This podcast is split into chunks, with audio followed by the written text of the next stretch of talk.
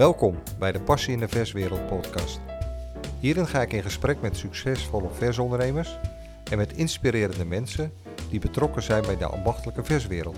Om te ontdekken waar ze de passie, de inspiratie en de liefde voor het ambacht vandaan halen. Mijn naam is Frans van Erkel, al bijna 30 jaar actief in de verswereld. Veel luisterplezier. Deze podcast wordt mede mogelijk gemaakt door Integral Interieur. Meer inspiratie, meer rendement. Ik wil jullie eh, graag eh, in deze solo-aflevering eh, adviseren met betrekking tot de gevelreclame, dus de buitenreclame, waar je rekening mee moet houden. En het belang ervan, de keuzes die je wil maken. Want bij het overwegen van de juiste gevelreclame zijn er verschillende belangrijke aspecten waar je op moet letten. Om ervoor te zorgen dat de reclame effectief is en voldoet aan je doelstellingen. Wat wil je bereiken? Wat is het doel? Hoe wil je gezien worden? Dus als eerste punt van belang is de doelgroep en de boodschap. Identificeer, bepaal je doelgroep vooraf. En zorg ervoor dat de boodschap van de gevelreclame relevant is voor hen. Daarbij hoort ook, houd de boodschap eenvoudig, duidelijk en krachtig. Het moet, het moet in één keer duidelijk zijn wie je bent en wat je doet. Zeker ook voor de passanten, dus degene die nog geen uh, klant van je zijn. Als tweede punt uh, zichtbaarheid. Zorg ervoor dat de reclame goed zichtbaar is vanaf een afstand. En daarbij is het lettertype wel goed leesbaar. Zeker bij, uh, bij de payoff of bij de slogan uh, laat dat nog wel eens uh, te wensen over in verband met een sierletter of een schrijfletter. En dan valt het geheel gewoon slecht op. Als derde punt, de plek, de plaats waar de reclame komt te hangen. En hoe deze komt te hangen is van een essentieel belang. Zorg dat de reclame, dus de tekst en het logo opvalt tegen de achtergrond waarop het geplaatst wordt. En past het bij de omgeving, hè, bij de, in de winkelstraat, uh, bij de panden ernaast. Als vierde punt wil ik noemen de duurzame materialen. Bezuinig niet op materiaal. De reclame hangt dag en nacht in weer en wind.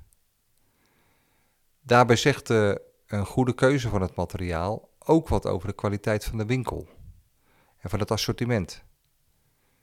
Tenminste, als het goed is, als het met elkaar in overeenstemming is. Of het kan toch niet zo zijn dat het uh, interieur bestaat uit duurzame materialen en dat er buiten afgedaan is met uh, een simpel bordje met wat uh, plakletters en een plaklogo. Als vijfde kan je over de verlichting overwegen, wel of niet. Kijk, overweeg verlichting zodat je s'avonds uh, en s'nachts goed zichtbaar bent. En hou er rekening mee dat de attentiewaarde van verlichte gevelreclame vele malen hoger is dan onverlichte gevelreclame.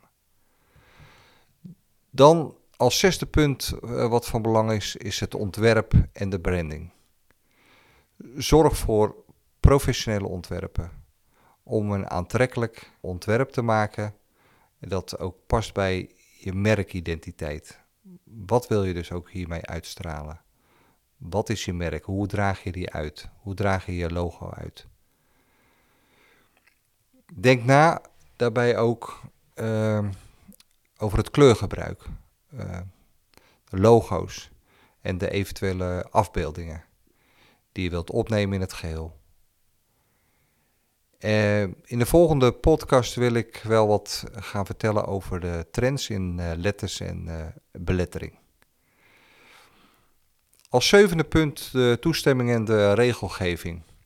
Controleer de gebruikelijke regelgeving en vergunningen binnen je gemeente of je stad waar je gevestigd bent. En bij nieuwbouw worden deze meestal bepaald door de projectontwikkelaar of de architect. En die, uh, ja, die schrijven ook een heel. Uh, uh, ja, komen met allerlei voorschriften en regels en bepalingen. En valt niet altijd mee om daarmee samen te werken. Maar goed, dat hoef je niet zelf te doen. Daar zijn, ja, daar zijn wij voor. En zorg ervoor dat je toestemming hebt van de eigenaar van het gebouw als je in een bestaand pand zit.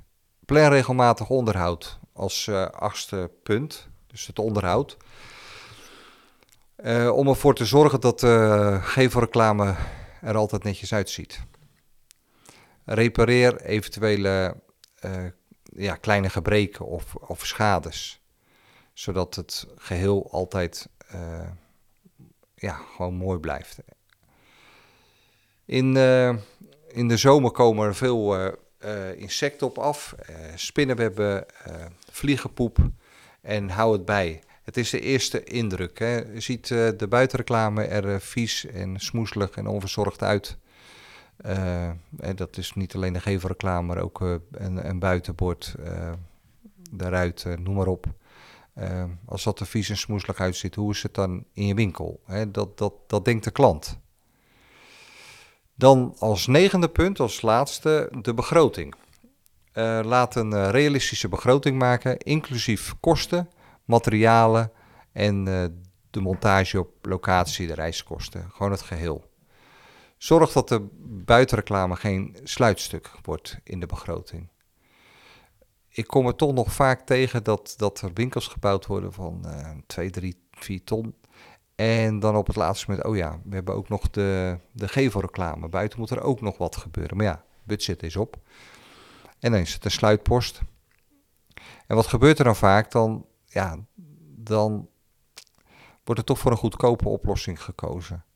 En dan heb je een heel mooi uh, interieur met duurzame, uh, mooie materialen en meubels. En dan uh, ga je bezuinigen op de gevelreclame, de gehele buitenreclame. En ja, dat lijkt me niet juist.